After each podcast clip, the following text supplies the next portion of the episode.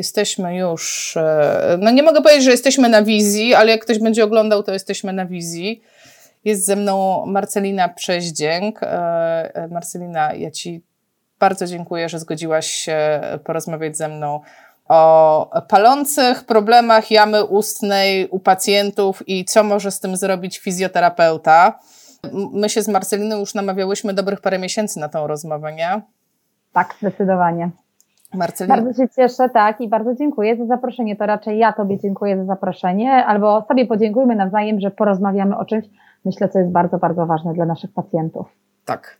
Marcelina jest neurologopedą i zajmuje się głównie dziećmi, aczkolwiek ja Cię będę ciągnąć w stronę dorosłych, bo to znowu moja działka. Mhm. A jednak zaburzenia e, w obrębie jamy ustnej, na razie tak specjalnie enigmatycznie mówię, no one dotyczą tak naprawdę wszystkich grup wiekowych. To nie jest tylko, że, że, że to dotyczy tylko dziecka. Jest mnóstwo chorych, którzy mają z tym problem, a dlatego o tym mówię, e, ponieważ sama pracuję głównie z pacjentami neurologicznymi i tam bardzo często bardzo dużą komponentą jest to, że czy nie mogą mówić, czy nie są w stanie utrzymać śliny, czy mają nadprodukcję śliny, czy mówią niewyraźnie, albo mają problemy z połykaniem, albo się krztuszą. No generalnie tych problemów w obrębie jamy ustnej jest bardzo, bardzo dużo. I to będzie, e, to będzie właśnie temat, w którym będę chciała cię ciągnąć troszeczkę, czyli dysfagia u dorosłych. Postaram się spełnić oczekiwania i odpowiedzieć na wszystkie zadane pytania. Zobaczymy, co z tego wyjdzie. E, myślę, że taką pierwszą rzeczą, którą warto zdefiniować, to jest to, e, o czym my w ogóle będziemy mówić. Co to jest ta dysfagia? O co chodzi z tymi zaburzeniami połykania? W ogóle, no, o co chodzi? Jak, jak, jak ty jako neurologopeda rozumiesz pojęcie dysfagii? E, dysfagia i po polsku jakby to są dwa pojęcia, które rzeczywiście równoznacznie się pojawiają w nomenklaturze takiej medycznej, logopedycznej, fizjoterapeutycznej, ogólnie terapeutycznej. To jest dysfagia, inaczej zaburzenia połykania. I to jest nic innego jak trudność z obróbką, ładnie powiem, obróbką kęsa pokarmowego i jego przetransportowaniem w głąb jamy ustnej i połknięciem po to, żeby ostatecznie oczywiście strawić i, e, i się najeść. Natomiast rzeczywiście zaburzenia połykania są takim bardzo, bardzo częstym i potencjalnie bardzo groźnym objawem, jeśli chodzi o pacjentów naszych dorosłych, e, chorych neurologicznie i dysfagia bardzo często jest również jednym z głównych objawów chorób neurologicznych o różnym podłożu, prawda, i o różnym charakterze.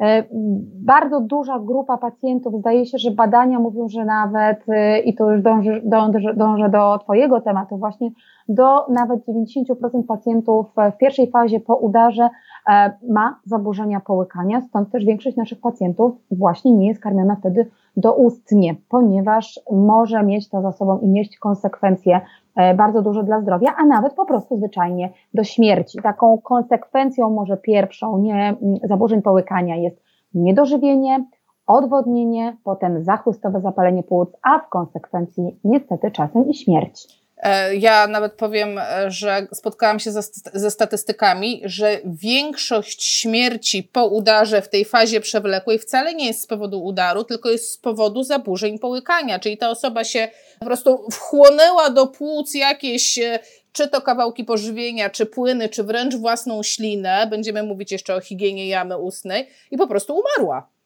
Tak, zdecydowanie to jest najczęstsza śmierć, y, jakby jeśli chodzi o pacjentów poudarowych. To powikłanie, czyli zachłystowe zapalenie płuc, któremu no, myślę, że porozmawiamy dzisiaj o tym, co możemy zrobić i jaką profilaktykę tego, y, y, tego zachłystowego zapalenia płuc możemy wdrożyć, żeby pacjentom pomóc i jednocześnie zmniejszyć śmiertelność, a jednocześnie oszczędzić chyba pieniądze narodowego płatnika naszego, bo jeśli pacjent nie będzie długotrwale hospitalizowany, to chyba będzie lepiej dla niego, prawda? Zdecydowanie. Ja tak się zastanawiam, e, no dobrze, ale e, przecież to wszystko jest robota neurologopedy. To czy ja jako fizjoterapeuta mam jakiekolwiek szanse tak naprawdę na pomoc, na pomoc temu pacjentowi? No przecież ja to tak naprawdę nie jestem od tego. Ja jestem, jak to mówiła moja babcia, od fikołków. Ja myślę, że teraz, y, ponieważ mamy już taki bardzo fajny i bardzo mocno ugruntowany nurt współpracy interdyscyplinarnej, to fizjoterapeuci z neurologopedami, neurologopedzi z fizjoterapeutami bardzo, bardzo mocno się uzupełniamy i współpracujemy bardzo mocno. I też myślę, że biorąc pod uwagę ilość fizjoterapeutów na oddziale rehabilitacji neurologicznej bądź na oddziale udarowym, a ilość neurologopedów, to jednak przeważacie, tak czy tak, liczebnie. I dostęp do pacjenta macie jednak większy, więc myślę, że możemy kawałek naszej roboty Wam oddać i wcale nie będziemy się na to gniewać, wręcz przeciwnie, zrobimy sobie nawzajem dobrze i naszemu pacjentowi pomożemy jeszcze lepiej.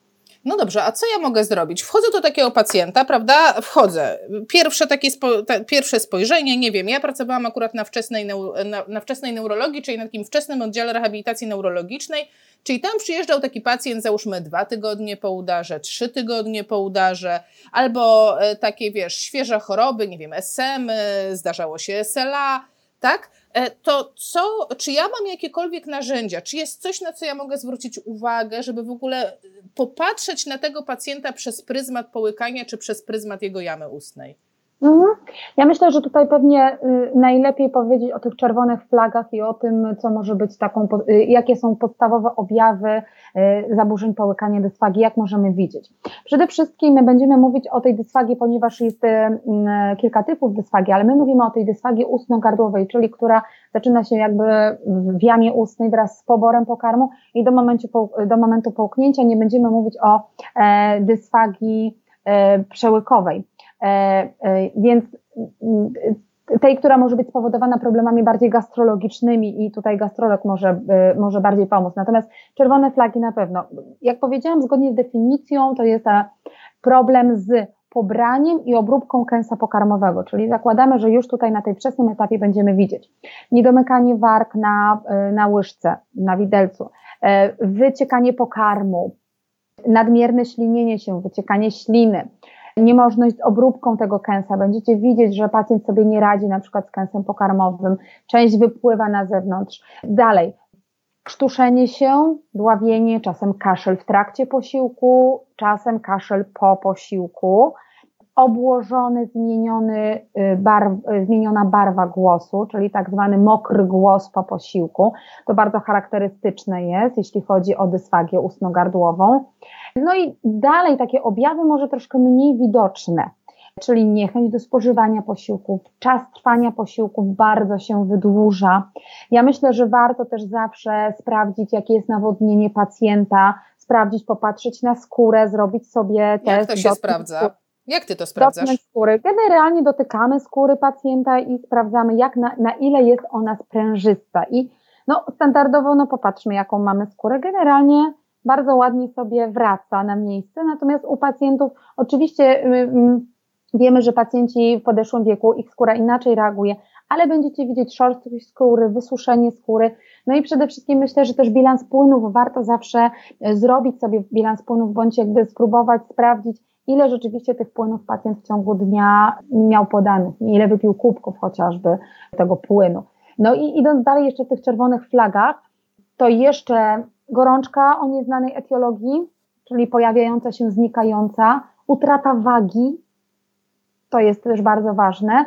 I myślę, że z tych najważniejszych takich objawów to są te, natomiast zaznaczam, że większość za takich objawów związanych z dysfagią, a przede wszystkim aspiracja treści pokarmowych do dróg oddechowych najczęściej ma charakter niemy, czyli nie będziemy słyszeć ani widzieć żadnych objawów zewnętrznych, tych, o których powiedziałam. No, możemy widzieć te związane z utratą wagi bądź gorączką o nieznanej etiologii, ale ogólnie pacjent bardzo często może się nie skarżyć na nic też podnoszę rękę, bo ja się tak wygaszam, jak ty mówisz, to ja się wygaszam i wtedy podnoszę tak. rękę, jak mam coś do dodania, bo po prostu nazbierało mi się z całej twojej tak. wypowiedzi. Wiesz, jaka jest częsta sytuacja, że przyjeżdża do mnie pacjent w takich warunkach szpitalnych, on na wózeczku sobie przyjeżdża, zaczynamy ćwiczenia i u mnie bardzo często tak. jednym z pierwszych ćwiczeń jest nauka wychylenia się do przodu, no bo ta pozycja daje mi potem możliwość, żeby wstać, chodzić i tak dalej, i tak dalej. I to pierwsze wychylenie się do przodu utożsamiam, że w tym momencie ja się dowiaduję, jaki był ostatni albo i przedostatni posiłek pacjenta, bo po prostu to wypada mu w tym momencie z ust. E, I to też, rozumiem, mogłabym uznać za objaw dysfagii w tym momencie, bo on e, no, definitywnie nie połknął tych pokarmów, tylko przywiózł je ze sobą. Tak. Tak, po prostu przyjechały z nim. Oczywiście. Tak, oczywiście jakby warto zajrzeć do jamy ustnej pacjenta i zobaczyć, czy rzeczywiście na języku nie ma resztek, czy nie ma w policzkach resztek, no bo najczęściej oczywiście mamy do czynienia z dysfunkcją wtedy w pracy języka, porażenie nerwów czaszkowych, tak, i y, pacjent ma trudność z ruchami lateralnymi języka, a te boczne ruchy nam służą do tego, żeby oczyścić jamę ustną, prawda? Dobrze obrabiamy, a potem oczyszczamy. Też y, poziom nawodnienia, no bo zobaczcie, jeśli mówimy o tym poziomie nawodnienia, to bierzemy sobie kawałek skóry i jakby standardowo przytrzymujemy przez kilka sekund i patrzymy, czy za chwilę wraca ładnie, jak to się mówi, na swoje miejsce ta skóra, nie? Y, natomiast jak pacjent jest odwodniony, to też w jamie ustnej będziemy mieć suchość, pacjent będzie miał resztki pokarmowe na przykład przyklejone do podniebienia też i to też jest bardzo, bardzo ważne, żeby na to zwrócić uwagę. Hmm? Tak. To jest, e, tak, to mhm. było właśnie jedno, że, że, że właśnie te resztki pokarmowe. A druga rzecz, którą powiedziałaś, użyłaś takiego słowa, że ja po prostu, moje aspiracje e, mówią mi, że ja tego nie rozumiem. Ja, ja jednak tak. aspiruję nie do roli eksperta, tylko do roli pytającego, czym jest aspiracja w mhm. świecie neurologopedii. Aspiracja, czyli przedostanie się treści pokarmowej do dróg oddechowych. Trzeba by było zajrzeć sobie w anatomię i popatrzeć, jak te obie drogi prawda, idą równolegle i łączą się w jednym miejscu.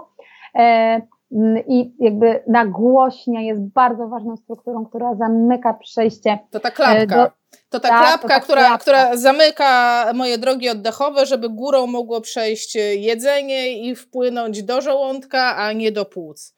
Dokładnie tak, dokładnie tak.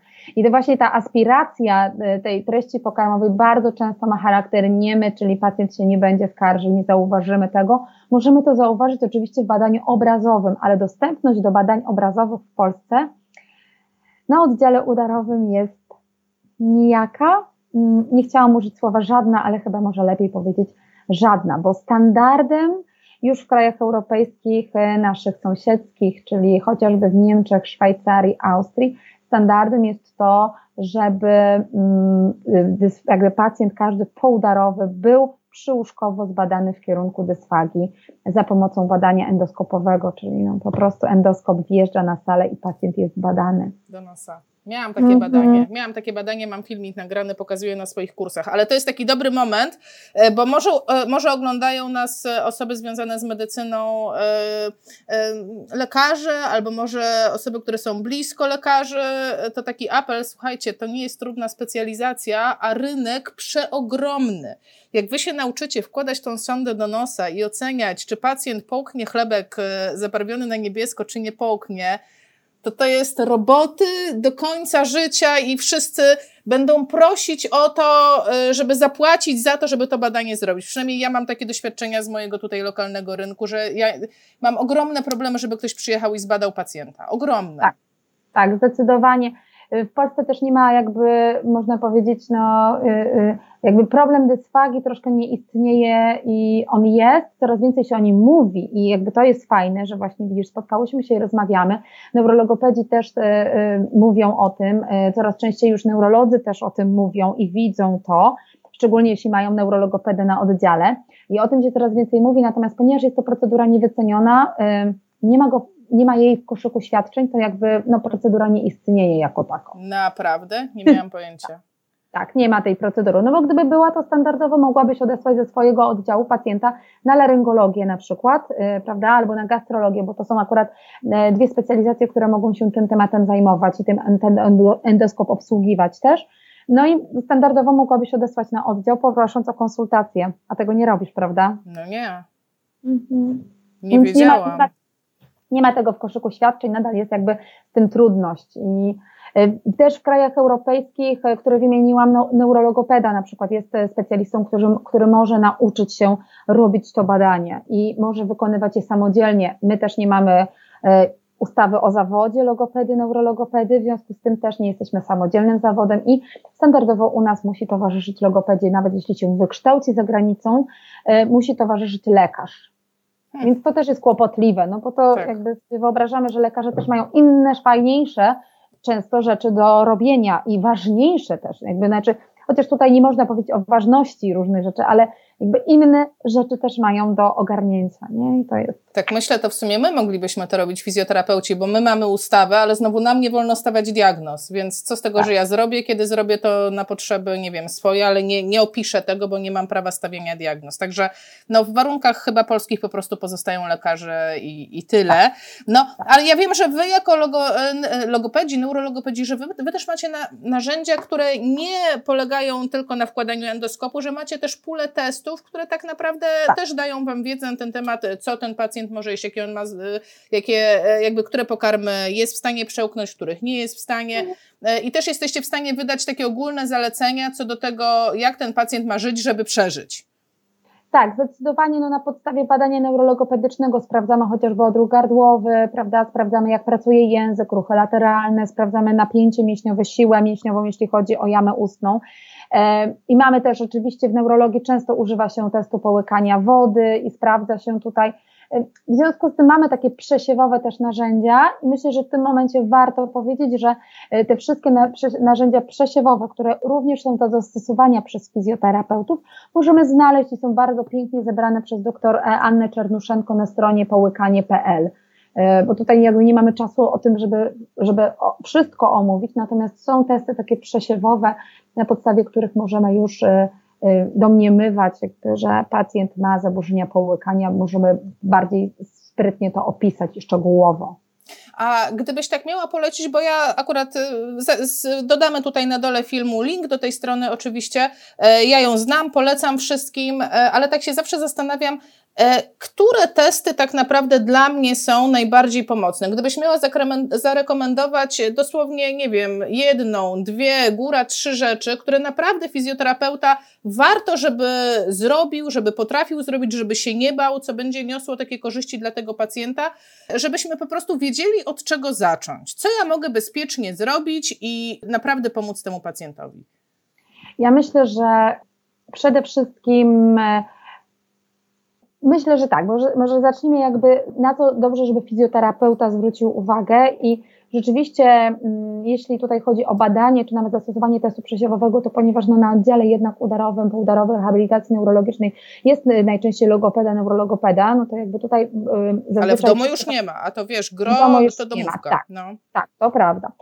Na pewno musimy założyć, że każdy pacjent z chorobą neurologiczną może mieć trudności z połykaniem. Myślę, że to jest główne założenie, żebyśmy mieli tego świadomość i wiedzieli, czego szukamy. Popatrzeć sobie trzeba przez pryzmat tych czerwonych flag, o których powiedziałam y, i zapytać, jak pacjent spożywa posiłki, ile trwa posiłek, jakie konsystencje, czy ma jakieś ulubione, czy na przykład przestał czegoś, y, przestał coś jeść, zaczął czegoś unikać, ile wypija, i to są bardzo ważne informacje, czyli bilans na przykład płynów dobowych też zrobić, zobaczyć jak to wygląda.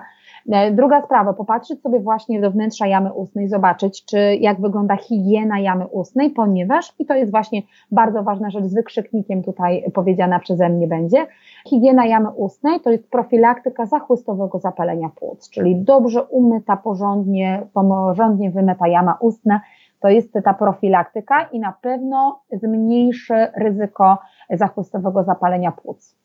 Chociażby. Ja też spotkałam się z taką opinią, nie wiem czy to jest prawda, że często sama ślina, nawet jeżeli tam nie ma na przykład resztek pożywienia, ale jeżeli jama ustna jest pozbawiona higieny, po prostu nikt tam nie myje e, tej jamy ustnej, to w ślinie potrafią się namnażać bakterie, i które powodują po wpłynięciu właśnie cały czas śliny tak, do płuc, to one potrafią powodować tak. zapalenie płuc. To jest prawda? Tak, to jest, tak, to jest absolutnie w świetle e, takiej aktualnej wiedzy. My nie wiemy do końca, jaki jest mechanizm powstawania aspiracyjnego zapalenia płuc, to znaczy wiemy, że jest aspiracja, wiemy, że pokarm przedostał się do dróg oddechowych, ale jakby na jakim mechanizmie, wiesz, czy to jedzenie, czy to ślina, wskazuje się, że najbardziej to jest ta skolonizowana ślina czyli higienę jamy ustnej wskazujemy jako bardzo ważną profilaktykę zachłystowego zapalenia płuc, bo to ona się kolonizuje, jak tam wiesz, niedomyte są te ząbki, nie są porządnie wyczyszczone. Ja do dziś pamiętam właśnie mojego pacjenta chorującego przewlekle już e,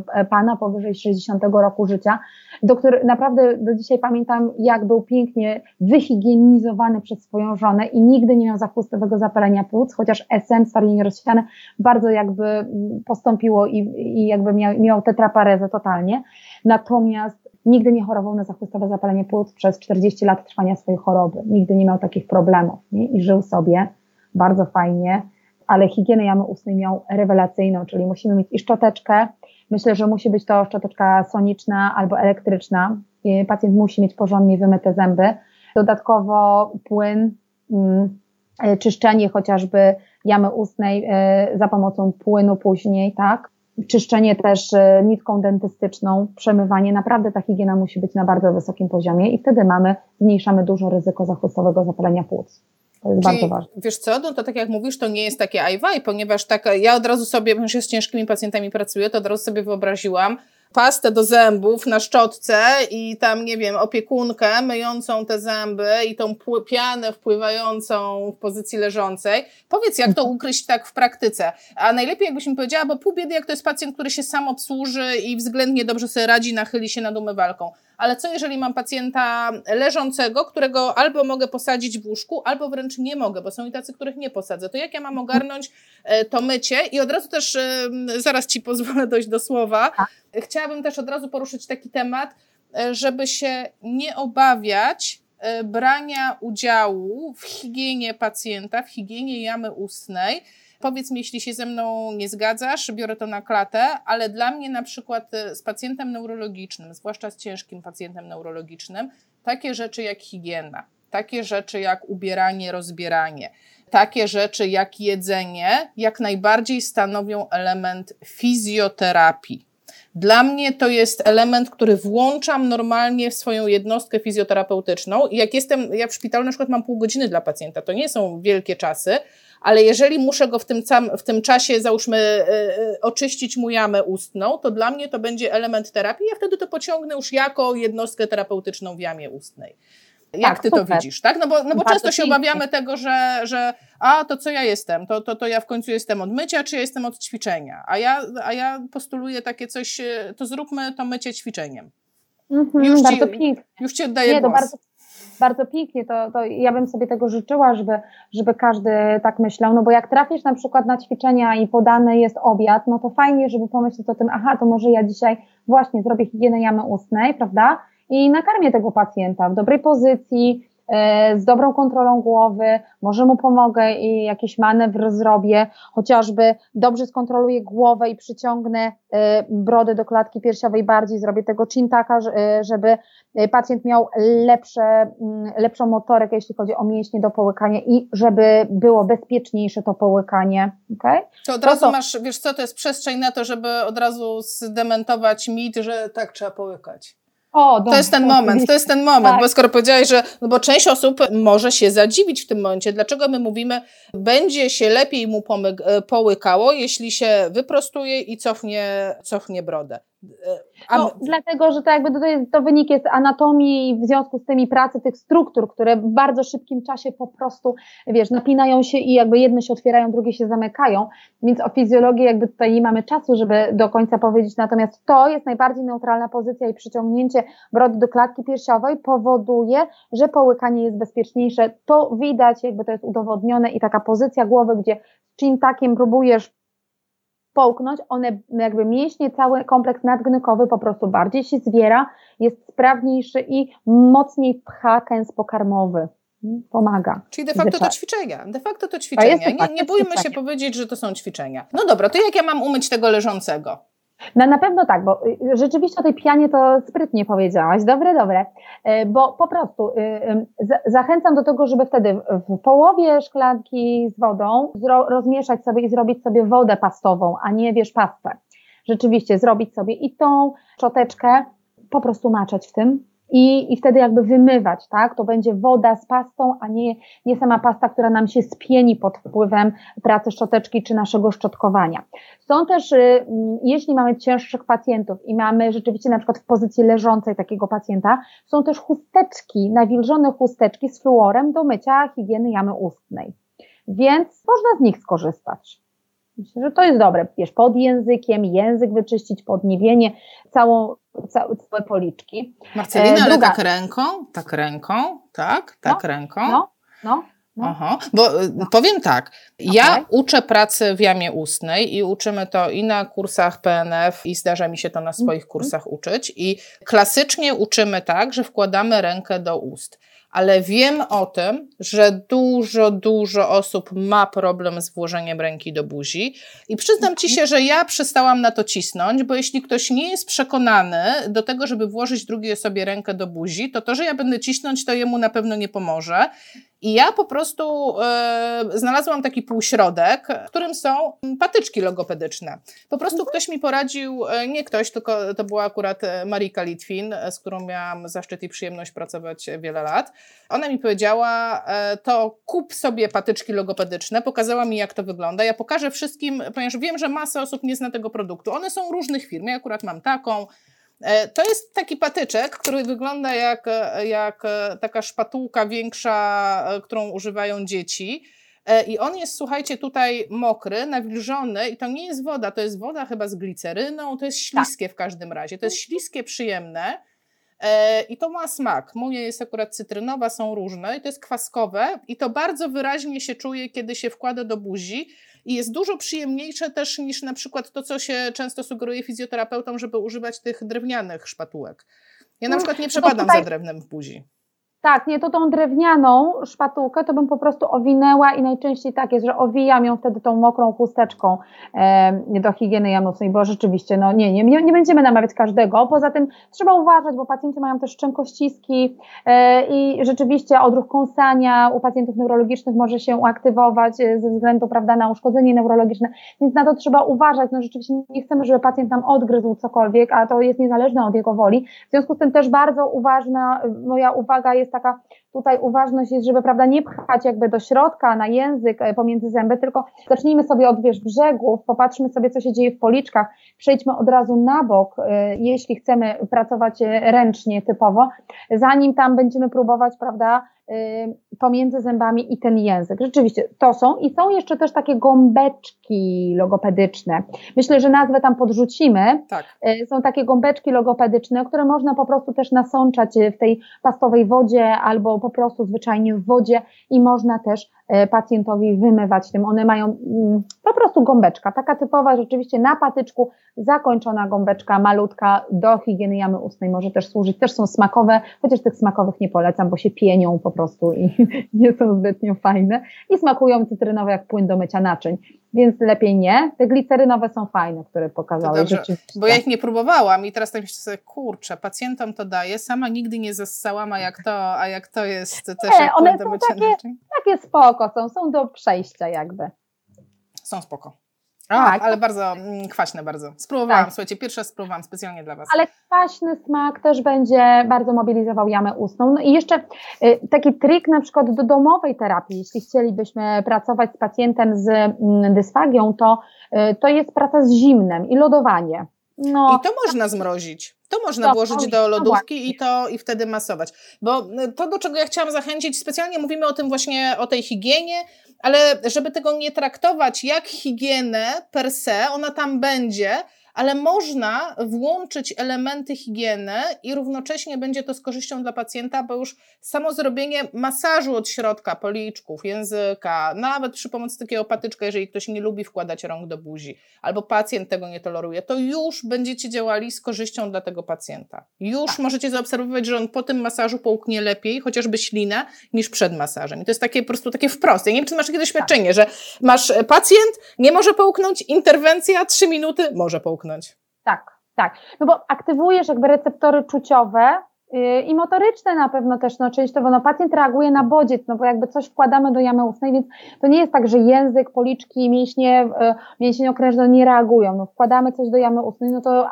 jakby adaptacyjnie, aha, coś się będzie działo, więc zaczynam ruszać. I też pacjent jakby zostawiony sam w sobie bez takiej stymulacji, no jakby też może swoiście językiem, y, tak naj, najprościej rzecz ująć, y, mogę, no, przestaje ruszać, jakby tak, aha, no sobie siedzi. A jak tutaj zaczynamy coś robić, to jest to aktywacja wszelkich receptorów związanych z pobieraniem chociażby pokarmu. No i to lodowanie, to wiesz, z kostką lodu też można pracować, nie?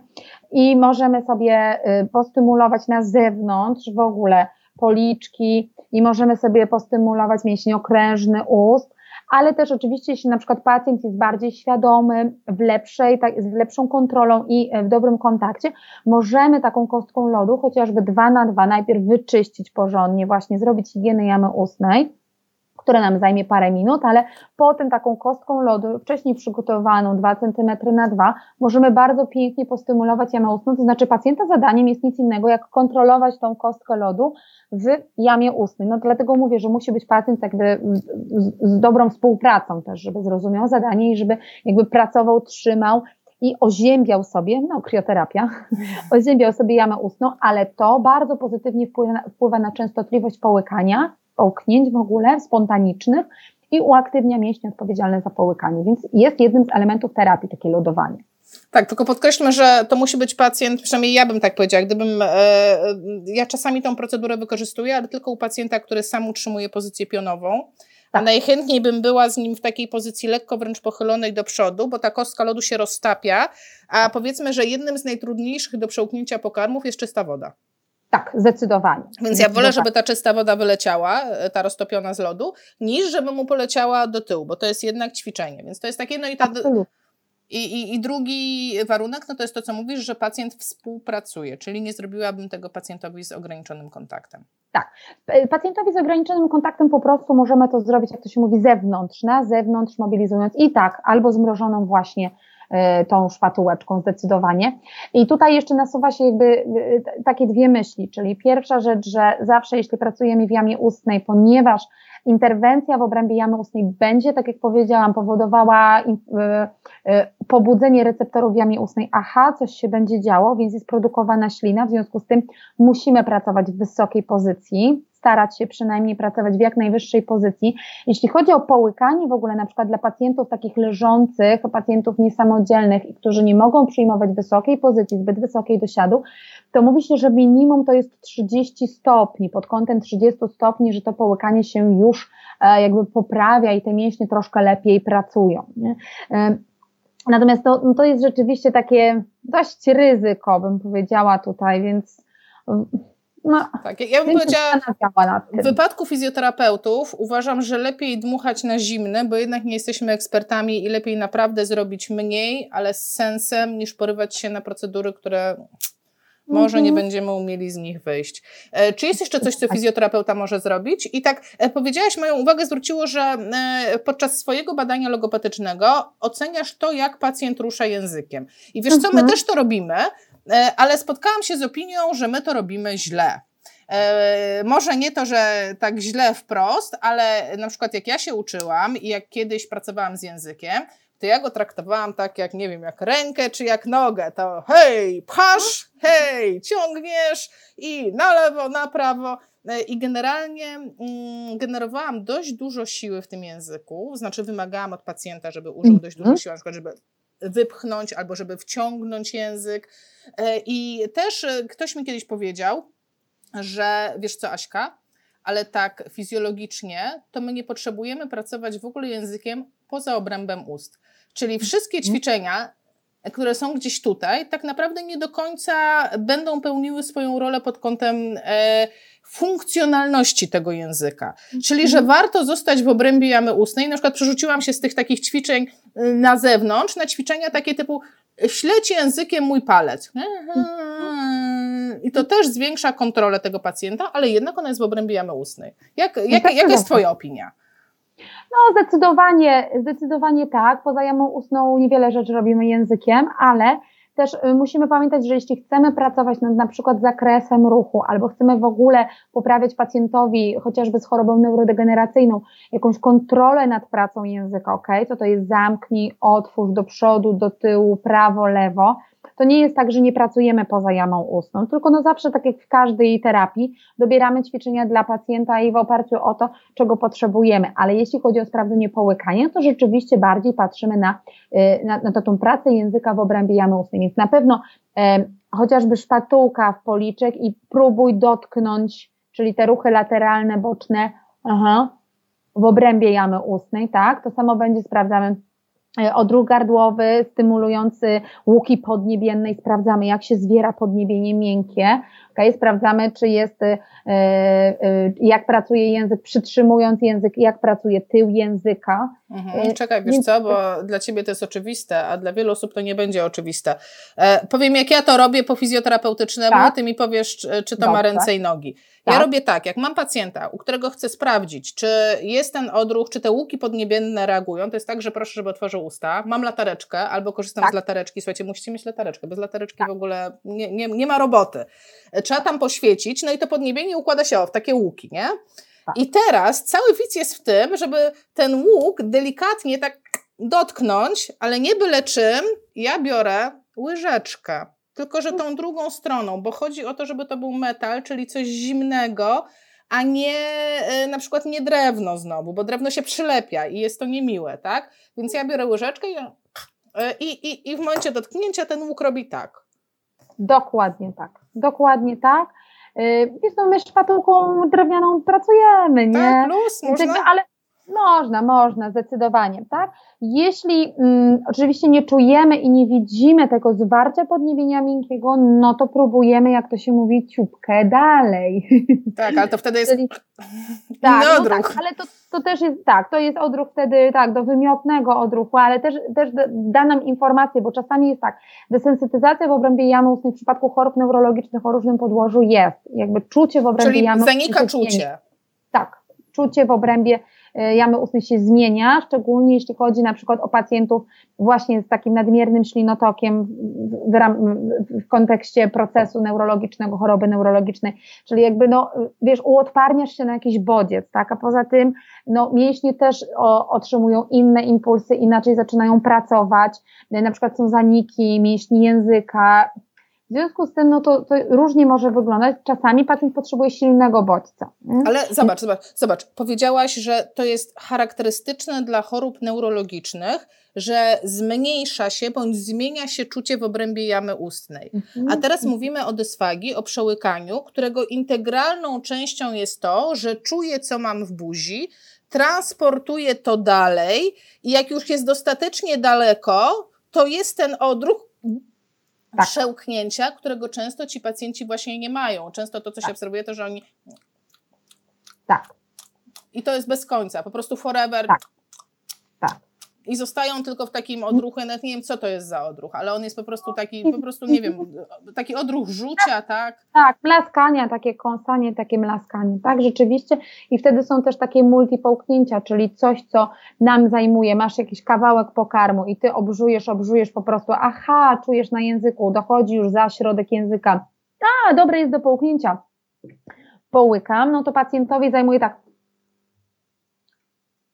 Aha, i on połyka tak po troszeczku, po troszeczku, po troszeczku. I wiesz, taki jeden kawałek chlebka może mu zajmować właśnie typu pięć połknięć, sześć połknięć, nie?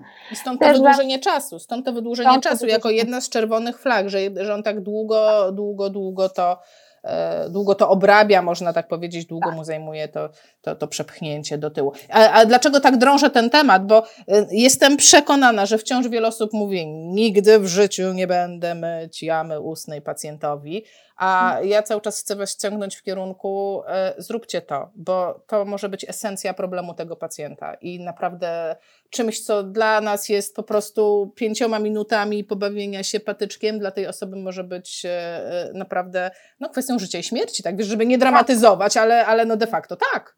Tak, tak, to na pewno coś w tym jest i yy, znaczy coś w tym jest. No to obie mamy takie doświadczenia, więc jakby potwierdzamy to i jakby należy o tym pomyśleć, bo to jest właśnie ta poprawa czucia, no bo jak odbudujesz czucie w obrębie jamy ustnej, e, jeśli pacjent na przykład otrzymał sondę, no bo pacjent w okresie poudarowym e, z incydentem neurologicznym otrzymuje sondę, w zależności od stanu pacjenta oczywiście, albo potem idzie może na gastrostomię, różnie to bywa, ale ta sonda też powoduje e, desensytyzację, czyli właśnie to jakie odczulenie w obrębie jamy nosowej, jamy ustnej, jamy gardłowej, no bo tak, nic nie spożywam w obrębie jamy ustnej, więc nawet czytałam swego czasu właśnie takie badania, że jak e, ja nie jestem neurologiem i czasami tak mogę tutaj, e, wiesz, nieprecyzyjnie różne rzeczy powiedzieć, ale ta droga korowa jest jama ustna mózg, jakby jest ta droga i jakby jeśli nie używamy jamy ustnej, no to wskazuje się na to, że e, ta droga swoiście no jakby zanika. Tak, czytałam, nie wiem, nie wiem, czy to te same badania, ale no. czytałam no. japońskie badania, gdzie podzielili tak. pacjentów na dwie, to chyba to samo, tak? Na dwie grupy.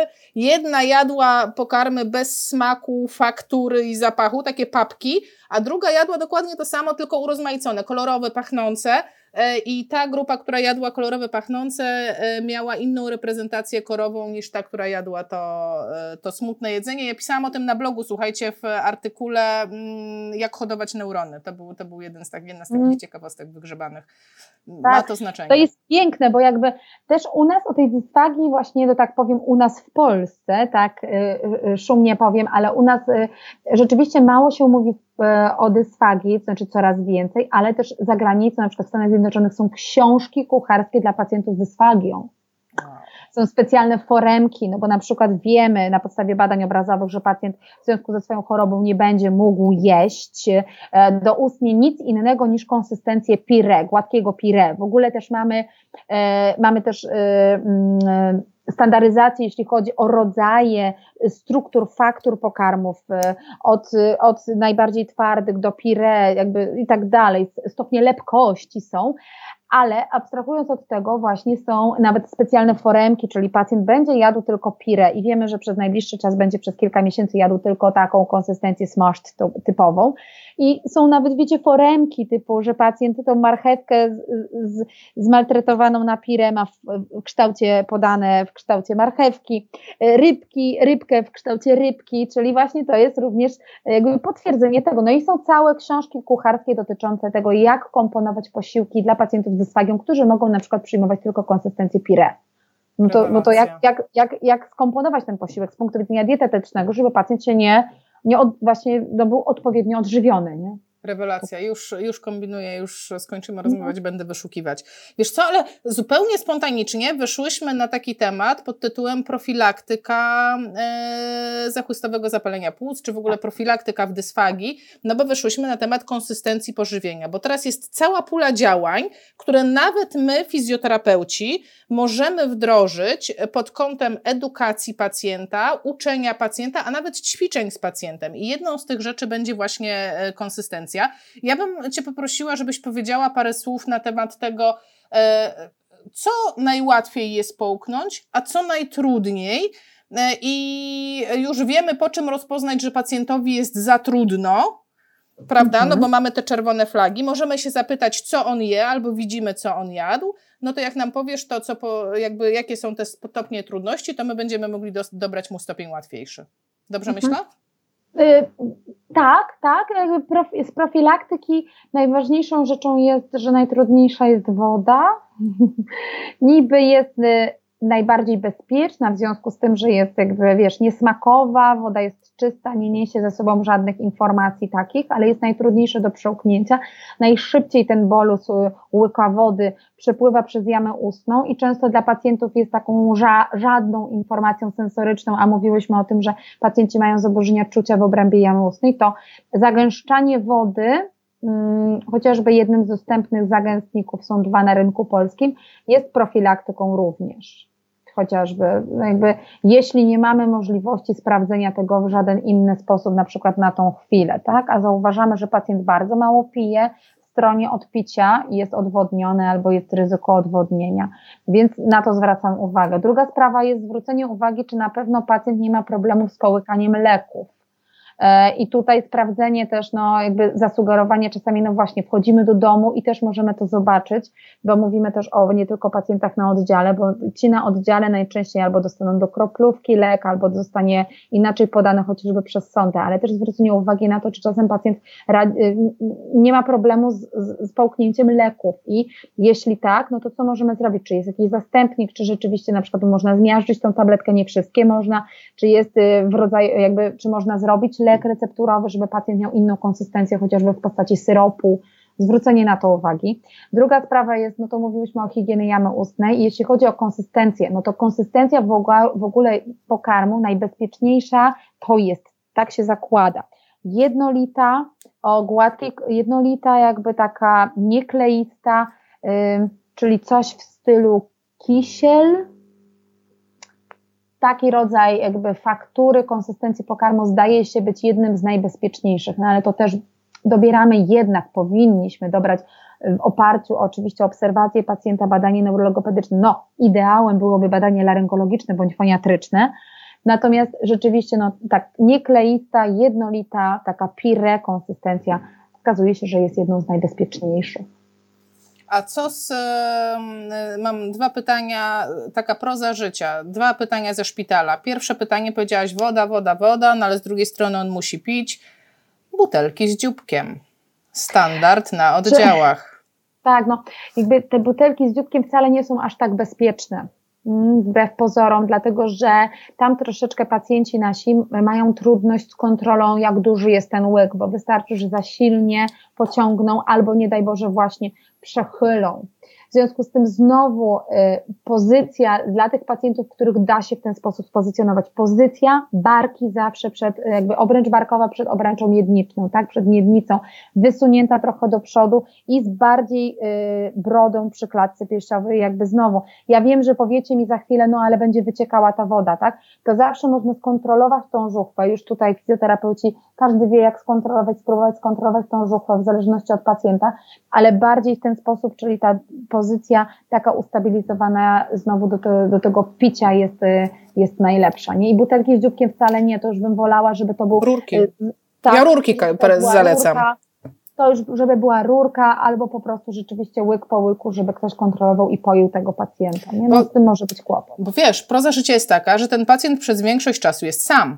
I tak. to trzeba wziąć na klatę. Dlatego ja tak e, myśląc sobie, co będzie najbardziej skuteczne i najbezpieczniejsze i wydajne, no to dochodzę do wniosku, że właśnie te rurki, bo rurka, tak. są kubeczki takie nawet takie jak dla dzieci z rurkami i wtedy to sobie stoi i jak on ma potrzebę, to sobie ciągnie, a nawet teraz mieliśmy pacjentkę na oddziale, która miała taką sakwę, wiesz, jak, jak mają kolarze, to jest taki jakby worek pełen wody no. i z tego, z tego worka taka długa, e, długa rurka i to jest super opcja, bo z tej rurki nic nie cieknie, no bo ona ma taki zaworek specjalny, no bo to kolarz też przecież mu nie cieknie cały czas. I ta rurka może sobie wisieć nawet za wózkiem i, i, i wtedy ta pacjentka sobie po prostu ciągnęła. To było ekstra. Tylko, że jedna rzecz, y, trzeba mieć siłę, żeby uciągnąć. Nie każdy pacjent y, ma taką siłę ciągu, że tak powiem. Tak, pacjent, którego podniebienie jest porażone, nie będzie tego robił, nie? Bo to już nawet nie chodzi o tą strukturę, tylko bardziej o pracę podniebienia również, więc trzeba sobie zawsze zobaczyć, w jakim stanie neurologicznym jest pacjent, ale tak słomka będzie standardowo bezpieczniejsza niż te wszystkie dzióbki, niż nawet kubki z dzióbkiem, takie niekapki, które czasem się proponuje pacjentom, dlatego że wystarczy, że przechyli nie tak, i już jest za duży łyk i to jest ryzyko zachłyśnięcia się. A pacjent, y, pacjenci neurologiczni to są pacjenci, którzy mają również często zniesiony, zniesiony odruch kaszlu. On jest osłabiony, ten odruch kaszlu i no, w związku z uszkodzeniem neurologicznym i też nie zawsze będą w stanie dobrze odkrztusić to, no bo jakby odruch kaszlu służy nam temu, żeby odkrztusić dobrze to, co dostanie się na wysokość e, e, jakby drogi już oddechowej. Natomiast e, pacjenci nie zawsze mają efektywny odruch kaszlu, więc... Tak. A mm. jeszcze druga rzecz z oddziałów też, po prostu proza życia, rosołek, czyli mamy mm. w tym momencie wodę i jeszcze tak. kluseczki pływające, więc ja na przykład postuluję, że to nie czysta woda, a rosół tutaj, ja bym, ja bym, dla mnie na piedestale stoi rosół i te tak. kluseczki i jeszcze, albo jeszcze pietruszka pocięta w tym, kluseczki no. i pietruszka, która się przylepia. Tak, Hit. tak. Właśnie, właśnie to jest jakby, to jest problem, jakby bo moglibyśmy tym elementom właśnie, jak tutaj już zrobiłaś apel na początku do, do osób, które mogłyby albo miałyby pomysł, jak to zmienić, to rzeczywiście, no bo standardowa dieta jest dla takiego pacjenta typowo szpitalna i nikt się nad tym nie zastanawia a wystarczyłoby po prostu zblendować to, zrobić coś innego i już by było bezpieczniej, pacjent byłby odżywiony.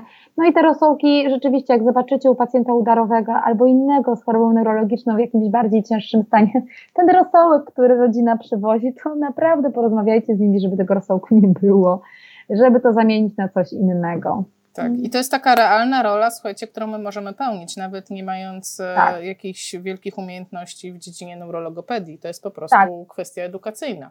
Czego my, co my jeszcze możemy, jakby w jakim temacie my jeszcze możemy wyedukować pacjentów? Jak jeszcze możemy zwiększyć poziom ich bezpieczeństwa?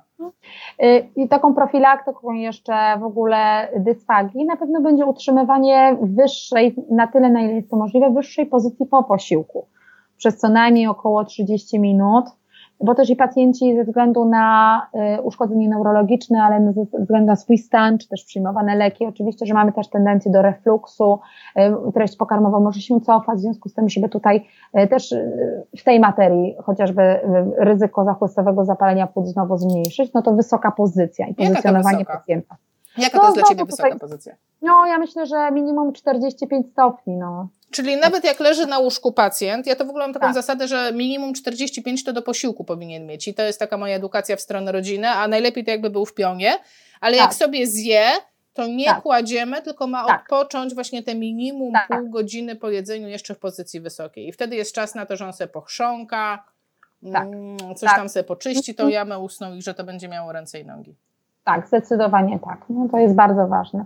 No i bezpieczne karmienie jeszcze. No tutaj wiadomo, że różnie to bywa z tym karmieniem, różne osoby karmią, ale jeśli chodzi o edukację rodziny, no to też czasami jak tam przyuważymy, podpatrzymy, ktoś tam karmi, przyszła żona, przyszła córka, e, karmią, no to żeby nie było za szybko, mhm, żeby nie były za duże kęsy, żeby to nie była, wiecie, chochla, czasami te łyżki też są takie strasznie wielkie, głębokie, przypatrzeć się, bo to już w zależności od wieku pacjenta też, ta buzia może się gorzej otwierać, ta brzuchowo-skroniowy może być troszeczkę na przykład po intubacji, e, czy po zabiegu, no po intubacji, może być troszeczkę, jak to się mówi, napięty, zbyt napięty, za mało się żuchwa otwiera, tak, może być jakiś delikatny szczękościsk, a i też pacjenci, nie wiem, chociażby z protezami, starsi pacjenci, wcale nie otwierają tak szeroko paszczy, a z drugiej strony te łyżki, jakieś chochle się tam gdzieś trafią i łyżka za łyżką, a pacjent nie zdąży jeszcze połknąć, więc to jest też taka edukacja, żeby nie przyspieszać w trakcie karmienia, żeby zwrócić uwagę na to. E, no i tak jak mówię, bardziej bym powiedziała wyzbywać się też e, na, tyle to, na ile to jest możliwe, tych właśnie rosołek z makaronikiem, ty powiedziałaś, y, to ja dodam jeszcze wszystkie kasze, które niby zdrowe, ale dla pacjenta szpitalnego no się nie nadają, bo kasza, łuski zostaje, drapie, nie da się tego w żaden sposób też rozdrobnić widelcem, więc tutaj y, zwrócenie uwagi jeszcze na to, co ewentualnie można pacjentowi dawać. Mam takie pytanie. E, powiedziałaś, żeby zwracać uwagę na to, żeby za dużo nie było na łyżce, to ile to jest optimum na łyżce? Bo jest też e, trend w drugą stronę, jest trend za dużo tych kopiastych łyżek, ale jest też trend tak po troszeczku, po troszeczku, bo się udławi. E, a z tego co wiem, to w żadną stronę przegięcie nie jest tak naprawdę dobre. Ile to jest optimum? No ja nie ja bym powiedziała, że pewnie optimum, no trzeba by pokazać jakąś przykładową łyżkę, ale takie optimum y, standardowa, duża taka łyżka y, stołowa, łyżka do zupy, to jest ok, byleby nie była, wiesz, kopiasta, mówimy to o osobie dorosłej, byleby nie była kopiasta. Mhm. Ja jak daję, to e, tak robię, że e, przeważnie jest to konsystencja papki, tak? No bo skoro ćwiczę połykanie, no to znaczy, tak. że on nie połyka, czyli jestem gdzieś tam na etapie właśnie papek, albo różnej, e, jak ty to ładnie powiedziałaś, ja nie wiedziałam nigdy, jak to określać, lepkość papek, tak? Bo tak. papka może być taka, taka gluciasta jak kisiel, ale tak. papka może być również na przykład z zgniecionym ziemniakiem i ona już nie jest wtedy taka papkowata, a papka tak. może być na przykład przemieloną wędliną przez maszynkę i to też jest, tak. cały czas jesteśmy w tej samej tak. grupie pokarmów, ale są to kompletnie różne pokarmy. E, I tak. na przykład y, dla mnie taką ilością to jest e, łyżka stołowa, taka standardowa 10 ml, tak. gdzie e, mniej więcej na połowie tej łyżki jest kopiasto. E, no to nie góra, prawda, jak Titanic, tak? Tylko chodzi mi o to, że, że dzięki temu jest mi dosyć łatwo włożyć to do buzi i nie ma tego takiego elementu, że dużo trzeba ściągać, a jest to właśnie tak. ta ilość, o której ty mówiłaś, że tak jakby e, jakby to płaskie, tak? Gdyby ona była płaska, no tak. to to jest tyle. Tak, zdecydowanie. No to, to, to jest jak, jak najbardziej tutaj y, się zgadzam z tym. No i uwaga jeszcze jest tutaj taka mi się nasunęła jeszcze przy okazji właśnie tego karmienia. No zdecydowanie y, trzeba zwracać uwagę na poziom świadomości pacjenta, czyli jego stan po prostu taki poznawczy, poziom świadomości i wtedy, kiedy zauważamy i wiemy, że pacjent ma nasilone, nasilone zaburzenie świadomości, no on się nie nadaje wtedy do karmienia drogą do ustną, z założenia też, jeśli chodzi o bezpieczeństwo po prostu karmienia, tak? Czyli jeśli pacjent jest podsypiający, jeśli jest w jakimś pobudzeniu, niepokoju, albo chociażby no, reaguje jakimś stresem na sytuację posiłku, karmienia, jedzenia. Hmm? Tak, a jeszcze mam takie pytanie, e, znaczy takie pytanie, e, bo wspomniałaś też, że to na przykład jest dla mnie nowość, że kasze, nigdy nie myślałam o tym, że kasze mogą się nie sprawdzić, ale faktycznie jak myślę sobie o tym, że sztuczna szczęka, mm -hmm. prawda, no to rzeczywiście, faktycznie, kasza zupełnie bez sensu, ale taką mam, e, taką mam uwagę, że warto też zasugerować rodzinie, że sztuczną szczękę się wyjmuje i myje. Tak, tak. Po prostu, no taka, taka prosta rzecz, tak? A, tak? a jednak dużo zrobi, dużo dobrego zrobi dla tego pacjenta. E, czyli tak, e, zbierając e, cuzamen te, te nasze sugestie, to co możemy? Zadbać o to, żeby dobrze był spozycjonowany do posiłku. I pod kątem tej dużej pozycji, i pod kątem ustawienia, e, że tak powiem, części ciała, czyli głowy względem ciała. Tak. Zadbać o to, żeby nie wykonywał niebezpiecznych ruchów, czyli na przykład e, taka szklanka może się nie sprawdzić, ponieważ trzeba odchylić głowę, żeby się z niej napić, ale na przykład taka ścięta, e, tak. to już będzie fajne, bo nie trzeba od, odchylać głowy. Możemy zadbać o to, żeby konsystencja zasugerować nawet czy rodzinie, czy w szpitalu. Słuchajcie, wiele rzeczy można zrobić oddolnie. Jak poprosicie, to naprawdę i z kucharkami się da dogadać, żeby y, zmielić pożywienie albo żeby rodzina nie przynosiła tego rosołku. Więc tak naprawdę jest masa rzeczy, których my możemy, które my możemy zrobić samodzielnie. E, plus te, e, ta higiena, plus masaż, to już jest naprawdę jakaś tam e, bateria działań, które możemy wprowadzić. A chciałam Cię podpytać o takie bardziej jakieś specyficzne działania. Czy ja jako fizjoterapeutka mogę sobie poszaleć e, z jamą ustną czy z twarzą e, w taki jakiś bardziej pro, powiedziałabym, sposób? I chciałam Cię podpytać konkretnie o dwie sytuacje, gdzie E, pacjent ma albo plegię, czyli na przykład opada mu kącik, cały czas jest tu otwarte, cieknie tu ślina, czy ja mogę coś z tym zrobić? Może jakieś, może jakieś, może jakieś ćwiczenie nam podpowiesz, które moglibyśmy wykonać? E, a druga sytuacja to jest taka, kiedy mam e, w drugą stronę problem, zbyt napiętą twarz. Na przykład u pacjentów pniowych często jest taki grymas twarzy, tak? Mm. Napięte, napinana cała tutaj, tak jakby można powiedzieć szczerzenie zębów, ale taki wiesz, taki grymas spastycznej twarzy to y, są jakieś takie rzeczy, które ja, ja mogłabym zrobić na to? Czy generalnie to na przykład y, u, u, obu, jakby u obu grup tych pacjentów zdecydowanie warto by było przygotować manualnie po prostu jamę ustną, wiesz, i twarz, na przykład przed posiłkiem przygotować i to jakby i tymi działaniami, o których rozmawiałyśmy, ale i też strukturalnie chociażby doczulić, jeśli mamy pacjenta z plegią tutaj, doczulić to miejsce, porządnie popracować w policzku manualnie przez chociażby mięśnie, mięśnie jarzmowy tutaj, większy, mniejszy, tak, jakby przygotować to samo. Czyli wymasować. Wymasować, tak, po prostu. Tutaj zdecydowanie dać czucie. Jeśli mamy możliwość jeszcze z zimnem chwilkę popracować, to by było idealnie. Jakbyśmy mieli troszkę wibracji na przykład, to też by było idealnie.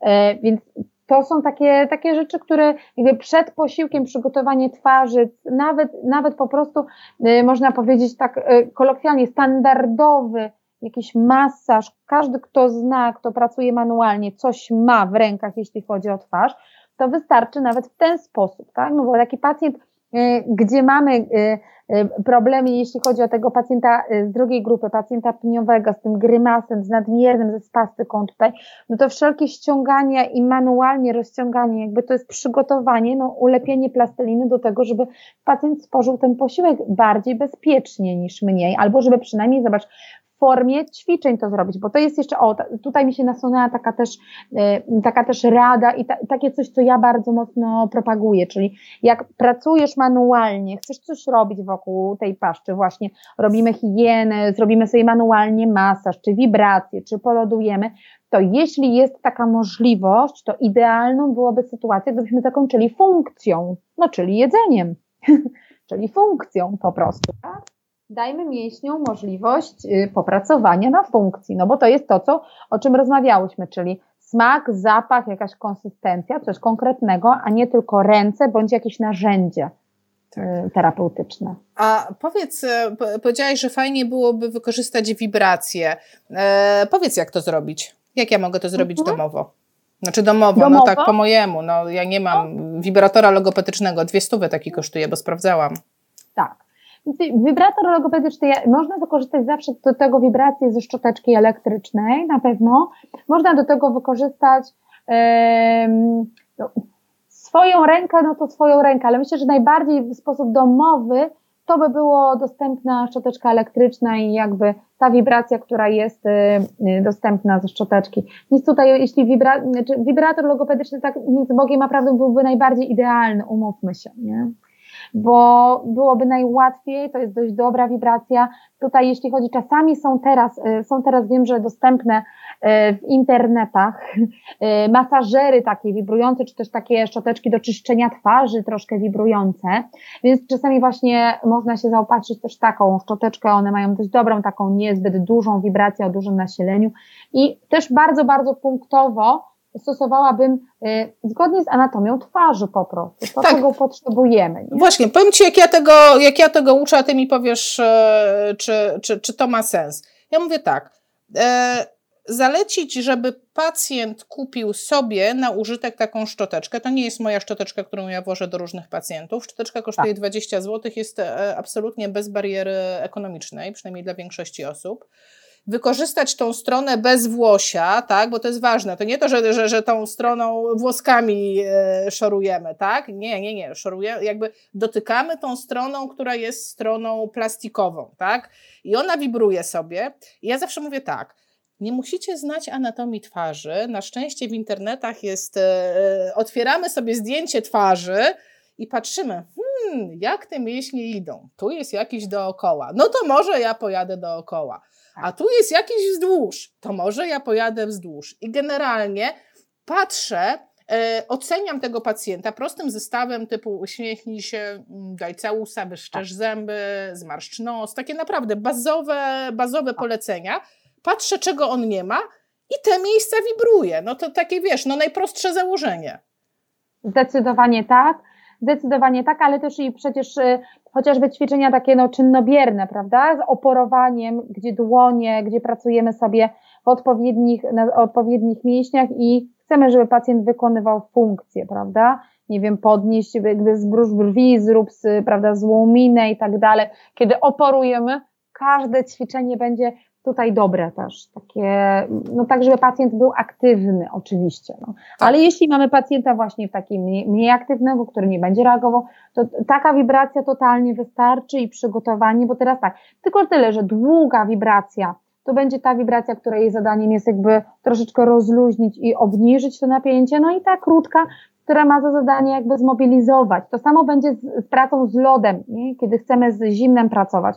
To samo będzie. Kiedy chcesz troszkę rozluźnić, no to jakby wydłuż e, jakby czas trwania tej krioterapii, a jeśli chcesz bardziej zmobilizować, no to też rzeczywiście punktowo żeby mięśnie się zmobilizowały do pracy. Ale tak jak mówię, zawsze zakończyć funkcję, czyli jeśli jest dozwolone karmienie drogą doustną yy, i pacjent spożywa jakieś posiłki i nic tu się nie dzieje, jakiegoś specjalnego, nie obserwujemy yy, objawów u pacjenta żadnych, no to warto jakby y, zakończyć tą funkcją i jedzeniem zakończyć, nawet jeśli my robimy coś wokół twarzy. I tak mi się teraz przypomniało jeszcze, jeśli mamy podejrzenie, co do zaburzeń połykania, myślę, że warto, żeby pacjent był osłuchiwany przez lekarza, na przykład raz w tygodniu.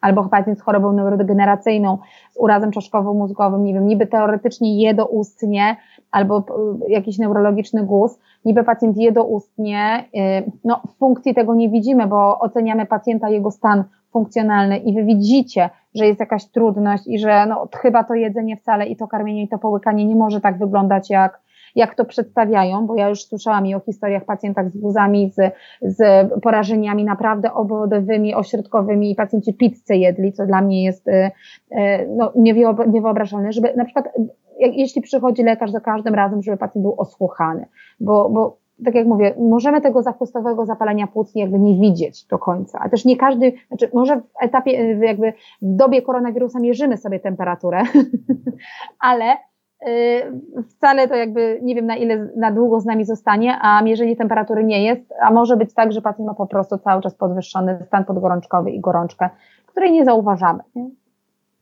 No tak.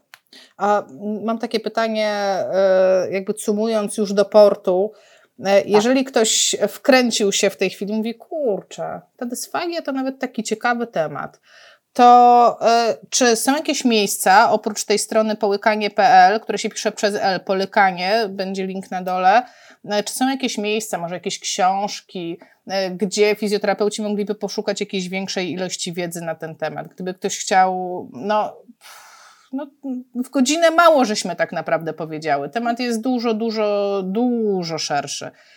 Gdzie szukać informacji? W ogóle w Polsce coś jest po polsku? Yy, nie. Yy, w sensie jest. Jedna publikacja jest. To znaczy tak, jest kilka artykułów w neurologii. Na pewno w czasopismach neurologicznych jest kilka e, fajnych artykułów, które warto sobie przeczytać i ja myślę, że je podlinkujemy. E, żeby, żeby można było sobie je ściągnąć, bo one są nawet ogólnodostępne. Druga sprawa, że został wydany w zeszłym roku, e, to już dla ciekawskich bardzo, ale bardzo fajny atlas i teraz pani doktor Jamrus była głównym, głównym autorem. Już czekajcie, bo ja um, muszę sobie wygooglać też, żebyśmy mieli instrumentalne metody badania zaburzeń połykania. To też podlinkujemy. Autorki, y, tak, Joanna Chmielewska-Walczak i Magdalena Milewska. To jest zespół z kliniki na Banacha, ze szpitala y, klinicznego na Banacha. Jest właśnie te instrumentalne metody badania, badania zaburzeń połykania. To jest taki atlas, słuchajcie, piękny z filmami, y, gdzie mamy i wideofluoroskopię, i mamy endoskopowe badanie połykania. Musicie zajrzeć sobie, bardzo pięknie napisany. E, I również jest taka wiedza właśnie dotycząca tej adaptacji, tych czynności adaptacyjnych, ponieważ jedna z autorek jest foniatrą, druga z autorek jest logopedą, a trzecia z autorek jest dietetykiem klinicznym, więc jakby idealny team do zaburzeń połykania. Także myślę, że tą publikację też bardzo, bardzo warto e, polecić, jak ktoś się wkręcił i chce pooglądać też właśnie anatomicznie, jak wygląda to, jak wyglądają zaburzenia, jak, jak to w środku wygląda to, o czym opowiedziałyśmy tak jakby ogólnikowo dzisiaj. Ale bardzo fajny materiał i bardzo fajna publikacja. Tak, to jest jedyna taka polska y, publikacja, innych nie znam. Cudownie. E, wszystko podlinkujemy. Ja sobie pozapisywałam tutaj hasłowo, żeby nie zapomnieć. No ja to też będę googlować te książki kucharskie dla e, dysfagików. Po prostu już czuję, że chcę mieć jedną na półce. Już po prostu już, wiem, że to tak, coś to dla jest, mnie. To jest fajna działka, naprawdę bardzo, bardzo fajna. Także mam nadzieję, że zaciekawiłyśmy tematem. Też tak, też mam taką nadzieję i z mojej strony y, bardzo, bardzo, bardzo Ci dziękuję, bo temat jest, uważam, niesłychanie ważny, nie, po prostu nieprawdopodobnie ważny y, i też nieprawdopodobnie zaniedbany. My troszeczkę patrzymy sobie inaczej, bo patrzymy przez pryzmat Warszawy, nie? Duży ośrodek, duża dostępność i specjalistów, i badań ale e, ja nie wiem, jakie są statystyki, ale neurologopedów to chyba ze świecą, ze świecą szukać e, tak naprawdę w Polsce. Myślę, że neurologopedzi są, ale też e, tak jak w każdej innej dziedzinie, poziom kształcenia bywa różny i E, i standaryzacji tego nie ma i tak jak mówisz, no z dostępnością, my patrzymy przez pryzmat Warszawy, ale dostępność i pacjentów z innych mniejszych miast jest bardzo, bardzo słaba i niestety zdarzają się osoby, które do mnie piszą i konsultuję je tutaj z innych miast i dorośli, dorośli pacjenci z dysfagią i nie wygląda to zbytnio dobrze, muszą szukać rzeczywiście pomocy tu w Warszawie. E, bo przynajmniej mamy do kogo odesłać i bywa z tym różnie. I tak jak mówię, właśnie ci pacjenci, którzy no nie są też do końca uświadomieni. Więc ja myślę, że też, e, mm, no zobaczcie, z incydentem neurologicznym pacjent wychodzi na PEG-u mm, i dostaje informację w karcie wypisowej. Myślę, że to należy podkreślić w karcie wypisowej, że jakby wraz z poprawą stanu pacjenta możliwe, możliwe karmienie drogą doustną. No ale kto ma ocenić ten wraz z poprawą, i co to znaczy poprawa, jeśli pacjent jest na przykład po zaawansowanym guzem mózgu po, po operacji neurochirurgicznej z porażeniem opuszkowym. I tu się zaczyna problem, prawda? Więc no właśnie, takie zbytnio ogólniki pojawiają się, ale myślę, że będzie się to zmieniało, bo na pewno naprawdę to się już zmieni że wierzę w to, że będzie się jeszcze bardziej zmieniało. Ja wierzę w to, że każdy, kto obejrzy ten materiał, to już będzie krok do przodu, w, przynajmniej w edukacji e, pacjentów, w edukacji rodzin, w swoim podejściu i że to już jest e, każda osoba, która cokolwiek zmieni po obejrzeniu tego filmu, to już jest big tak, success. Bardzo się cieszę. Tak, będzie bardzo duży sukces, pewnie. Marcelina, bardzo dziękuję. Mam nadzieję, że to nie był nasz ostatni raz. Serdecznie dziękuję, że poświęciłaś takie piękne, słoneczne popołudnie na rozmowę ze mną. Bardzo serdecznie dziękuję, ja się czuję zaszczycona. No i zaznaczam tylko jeszcze jedną taką, wiesz, merytoryczną, że y, my nie powiedziałyśmy tu dużo szczegółów, bardziej ogólnie też pamiętajcie o tym, że rzeczywiście, no, jakby się zagłębić w szczegóły, to może to niektóre kwestie mogą jeszcze bardziej i jeszcze inaczej wyglądać, ale myślę, że temat został tak um, podstawowo przedstawiony, także szukajcie tak. i no właśnie. Szukajcie dalej. Szukajcie tak. dalej, jest dużo wiedzy, są fora, naprawdę kto się interesuje, to naprawdę powoli jest już z kim pogadać. I przede wszystkim ja tak z punktu widzenia fizjoterapeutki powiem, że nigdy neurologopeda nie odmówił mi wiedzy. Zawsze jak pytałam, co mogę zrobić, nigdy mi się nie zdarzyło, żeby neurologopeda powiedział mi, a nie powiem ci ti, ti, ti, to moje, nie twoje. Nie, nie, nie, nie. na pewno nie. Bardzo dziękuję. Cześć. Bardzo dziękuję. Cześć.